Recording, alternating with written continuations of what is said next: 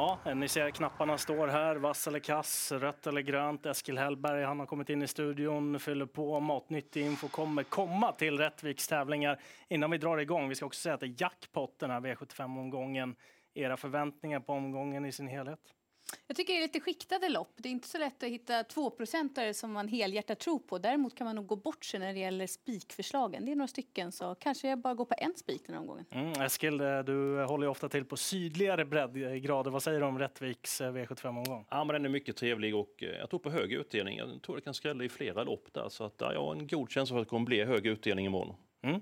Då drar vi igång det här kalaset. Jackpot alltså är det som gäller också till V75-spelet och i avdelning 1 så är Filip De Luca tränade, nummer ett, No Pressure favorit och eh, vem som helst av er två får börja. Då börjar jag. Till 19 procent så tycker jag No Pressure är en eh, bra favorit. Han är väldigt startsnabb eh, i volt, spetsat från spår 5. Han har aldrig galopperat i lopp.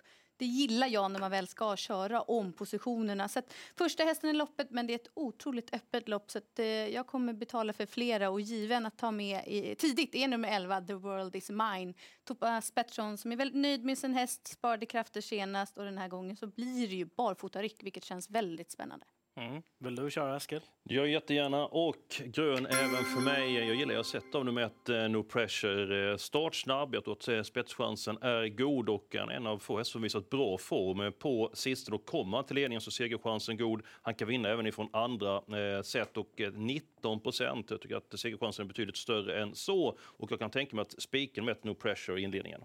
Mm, då är vi tämligen ganska överens om att det är rätt favorit i loppet från rätt läge då så att säga och dessutom en häst som är kraftigt under utveckling, också nummer ett, No Pressure. Han såg väldigt fin ut på Solvalla i den senaste starten.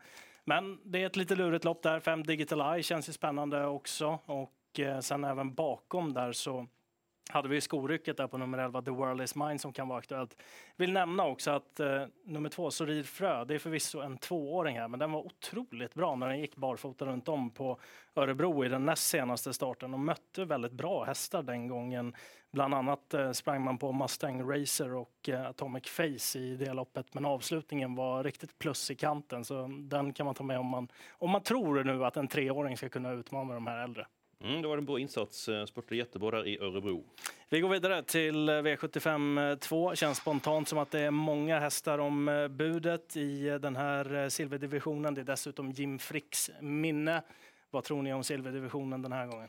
Nej, det blir rött för mig på nummer två, van Gogh eh, ZS. Eh, visst kan han vinna loppet, eh, men jag är helt säker på att det här loppet blir kört. Och skulle han inte komma till ledning så tycker jag att han har mindre segerchans. Nummer sju, Eddie West, inte som bäst senast, men har en lopp i kroppen, barfota runt om. Han var ju enormt bra i, vintra, eller i våras och skulle nio Viking Brodde gå felfritt så kan han avgöra på egen hand. Så att jag kommer gardera och varna för nummer sju, Eddie West.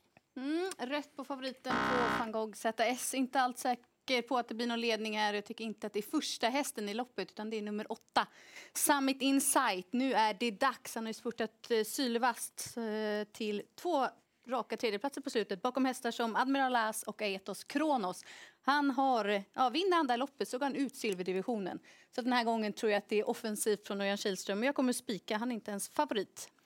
Ja, eh, det hade ju varit lätt att gå på nummer fyra Ingo här om man hade trott att han skulle kunna komma till ledningen med tanke på hur han såg ut i den senaste starten. Men det låter ju som att det kan bli tufft att komma förbi på förhand och eh, jag tycker även att det låter som att det kommer komma en läskigt bra insats på nummer åtta Summit Insight. Så att den eh, tycker jag är det klara första valet trots att den har spår 8 åtta. Men det luktar väl att det blir en lite bredare gardering. Man kan notera där också att Eddie West, när vi spelar in det här i alla fall, nummer sju, var anmäld barfota runt om och han är ju otroligt spurtstark. Från det till nästa avdelning på V75-spelet. Här är nummer fem Million Dollar Rhyme favorit ihop med Erik Adilsson i sulken den här gången. Jag köper den här favoriten. Eh, jag tycker att han har en passande uppgift. Hon som allra bäst eh, senast. Han trivs inte riktigt när det blir varmt. Men nu har gjort som min fru. Jag har gått in och kollat vädret imorgon. Det ska vara 19 grader i Rättvik eh, imorgon. Och jag tror att han kommer till ledningen. Och är han i normal form ska segerchansen vara väldigt god. Så att jag kommer spika en 5 miljon dollar rhyme. Mm. Och till den här procenten, den är strax över 40. Så många vill gardera honom med tanke på att han var svagare senast. Så tycker jag att det är rätt favorit. Tidigt till ledningen och med det här norska huvudlaget så har han ju hushållit bättre med sina krafter. Jag tror att han leder runt om. Eh, det mest troliga är väl att han kommer till ledningen med tanke på den startsamheten han besitter. Fredrik berättade ju att han var lite sämre ut med det norska huvudlaget på än vad han är med det helstängda. Men det ska ändå finnas spetsmöjlighet och 43 procent på honom är acceptabelt. Det är dock rätt så spännande att nio Snowstorm Hanover gör första starten i Daniel Redéns regi. Det är en häst som har strulat en hel del. Kul att se honom i, i eh, den regin definitivt. Och, där bakom så är det väl inte så supermycket som sticker ut. En häst som har varit otroligt bra på sistone och har varit uppanmäld mest hela tiden, det är nummer två Quarcia. Men det är nog väldigt tufft att kunna utmana om segern i det här loppet. Vi rullar vidare till eh, avdelning 4. Järvin SK är knapp, knapp favorit i ett otroligt jämnsträckat lopp. Nej, säger jag. Eh, kanske jag har missat någonting i det här eh, loppet, men han har inte vunnit på väldigt länge. Han är ju väldigt kaxig, han sitter i rygg, men när han ska avgöra, då är han inte alls, eh, alls lika morsk. Och eh, får man sikta på den uppgiften, han är i bra form, så köper jag inte honom som eh, favorit. Eh, jag tror det kan skrälla i det här loppet. Eh, jag vill lyfta fram nummer 14, Belfax, som kan väldigt mycket om man går felfritt. Då gör jag sådär och det är lämpligt att ta ställning i jämnsträckade lopp och han står otroligt bra inne i det här loppet, favoriten Järvin SK som bara står tusenlappar från eh, taket eh, till eh, tillägget i det här loppet. Dessutom springspår på det ihop med Örjan Kihlström satt fast, klättrade i rygg i den senaste starten. Han var dessutom ute i ett lopp som var högst 2 miljoner senast, spårtrappan. Nu är han ute i ett lopp som är högst 1,6 miljoner. Så att eh, propositionen är till hans fördel dessutom. Mm, nej, jag delar Eskils eh, insikt här. Jag tycker inte heller att Järvin SK vill sätta nosen först om man kollar ordentligt i lopparkivet. Han har inte velat vara där och avgjort. Sen har han sett väldigt, väldigt fin ut och om det är någon som ska ge den här perfekta resan så är det ju Örjan Kihlström. Men till som favorit, det köper jag inte. Två Sundbinova, hon gjorde jobbet själv senast och höll väldigt, väldigt starkt. Jag tror till och med att distansen kanske kan vara ett plus den här gången. Och på tillägg 12 Stumnefyr. Han vinner inte speciellt ofta heller, men han har verkligen visat form på slutet och till under 10 procent. Han är van att möta riktigt bra konkurrenterna. Vi kan tillägga där också, sex Järvsö Elling är ju en väldigt snabb häst också som nog gynnas av eh, den här distansen som man är ute på den här gången. Också spännande från springspår där. Vi går vidare till avdelning 5 och eh, här är eh, Reijo Liljendal tränade, fyra Perpetuate favorit, skyhög sådan också. 62 procent läser vi i nuläget. Mm.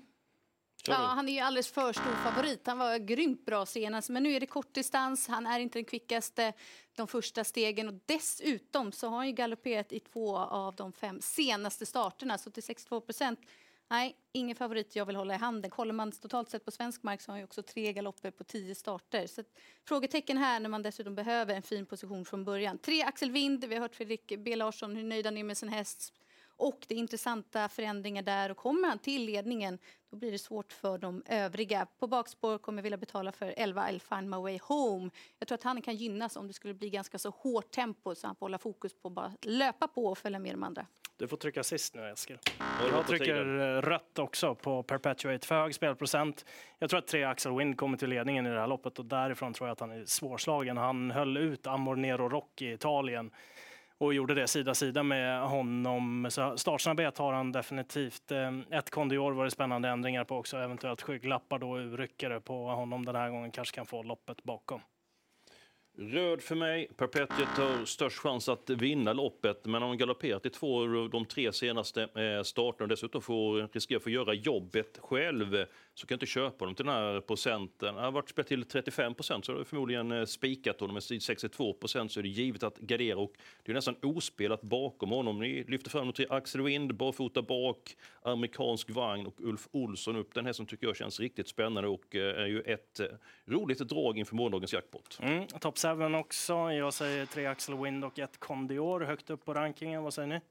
Jag håller med dig och ska lyfta fram någon annan där eh, bakom. Ja, Medanov Djupmyra är ju en bra sprinter. Bilstart passar bättre än voltstart så att jag tror att Gunnar Melanders sto får en fin peng.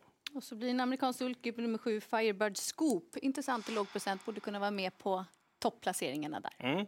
Vi rullar vidare till sommartravets final, V75 6 och eh, det är 300 000 kronor till vinnaren. Cyberlane nummer 10 är favorit och varsågod att börja trycka. Då börjar jag. Rött 44 procent tycker jag är för mycket. Det är snack om voltstart, att det skulle kunna vara ett problem. Det tror jag inte. Han har ju aldrig galopperat i, i något lopp. Men han är den som kommer troligen få göra jobbet. Och frågan är ju hur tidigt, hur mycket jobb behöver han göra? Nej, fördel för eh, nummer tre, J.J. Stitch, som står på startvolten här. Björn Goop är så otroligt bra på att bedöma tempot och gör det svårt för de andra konkurrenterna. Vilket han visade bland annat då på långdistans här eh, på Rättvik senast. Så att, eh, första hästen i loppet och eh, nio Missile Hill. Om han får vara den som går med rygg på Cyberlane då kan han avsluta ruskigt vass. Om man är tillbaka. Mm, precis. Är han det, Eskil? Jag vet faktiskt inte riktigt. Jag var inte helt nöjd med intrycket senast. Han kan ju väldigt mycket i grunden. Första voltstart för Missel Hill och eh, även först över lång distans. Jag tycker det är rätt favorit i loppet. Eh, det är bara 11 hästar med. Jag tror att nummer 10 Cybrain kommer öppna bra trots spåret och kan snabbt ifatt eh, nummer 3 JJ Stitchen har ju en annan hårdhet och i årsdebuten var ju Cybrain utvänt racing mange och kämpade storstilat och eh, jag tycker detta är en befogad favorit. Och jag avslutar. Jag trycker rött. Jag tycker den mest spännande hästen spelmässigt i loppet är GG eh, Stitch nummer tre. Det är en häst som älskar att tävla i ledningen, likt hela hans eh, familj också, syskonskaran där, som är väldigt bra spetshästar. Han har läge för att komma till ledningen. Björn Goop eh, ställer tempot där framme. Han är väldigt svårpasserad den hästen, men som ni var inne på, det är klart att de här som står längst bak med betydligt mer intjänat på kontot har fördel av att det bara är en häst på mellanvolten och de är kapp ganska billigt. Missile Hill, om han får gå i draget, så har ju han extremt hög toppfart, men man vill ju gärna se också att han är tillbaka på, på det sättet som han kan vara, för intrycket senast var inte till någon fördel, utan han sprang mest och, och bröt och krängde hela loppet. Från det till V75 7 ska vi gå också. Det här eh, har ju blivit ett lite sönderstruket lopp. Tre Parkview, fem Cash Cowboy och tio Vitro Diablo kommer inte till start. Eh, två Frodo S är väldigt klar favorit. Hade han hållit ledningen senast Eskil om Global Agreement hade stått på benen? Nej, det hade han inte. För Global Agreement var ju på väg mot ledningen, men då galopperade han lite grann oturligt och även om han öppnade bättre än vad han brukar göra, Frodo S, eh, så såg det lite grann bättre ut än vad det var. Och jag är inte alls säker på att han kommer till ledning och även om han kommer till spets inte alls säker på att han vinner det loppet. 44 procent, eh, klart överspelad i min bok. Eh, I det här loppet så kan det skrälla. Nummer 11 Kate Baldwin och nummer 12 Kick Stås har ju kommit ned och har ju betydligt bättre förutsättningar i början av veckan eh, tack vare de här strykningarna för deras del. Då. Så den duon kommer jag att lyfta fram tidigt i min rank, nummer 11 Kate Baldwin och nummer 12 Kick Stås får du avsluta Sandra. Eh, jag tycker också rött på Frodo S och eh, dels då för att det finns eh, chans att Axel Ruda tar sig förbi från början och den tror jag han vill ha en rygg också så då borde 7 Suran och DB kunna vara aktuell och komma till spets på det scenariot. Tail of Jacks trodde jag på senast, eventuellt lättning till barfota bak där. Och sen, alltså snackisen kommer ju vara Kate Baldwin så som hon såg ut senast. Hon är ju fantastiskt bra den hästen. Men eh, det har varit lite sviktande stallform på Sibylle Tinters hästar så inte givet att gå fullt ut på henne. Hade det varit toppform där på stallet då hade jag nog kunnat tänka mig att gå på henne. Men med tanke på att det har varit lite sviktande så, där, så blir det nog lite gardering ändå. Jag ska lägga till ett första norskt huvudlag på nummer 11, Kate Baldwin. Mm. Nu är det dags för Sandra om det är vass eller kass. Ja, men det här är en kass favorit. Alldeles för hårt spelad, sårbar om man inte når ledningen. Jag tycker 7 Suron och DB är superspännande, trivs i främre träffen, var jättefin på ledningen. Och blir det tempo 12 Kick the Dust Ås, Johan Untersteiner som har fin form. Ja, så ser det ut. Vi ska sammanfatta det hela lite grann också. Vi eh, fick ett par vassa eh, favoriter. Sen var det lite delade meningar där kring Järvin Esko och Cyberlane. Men No Pressure och Million Dollar Rhyme, hästarna 1 och 5 i avdelning 1 och 3, såg ut att bli vassa den här omgången. Något sista medskick? Jag tror väldigt mycket på Million Dollar Rhyme. Gardera avslutning, glöm inte de 12 kick till Dastos. Då säger vi tack så mycket och lycka till eh, till den här jackpot-omgången.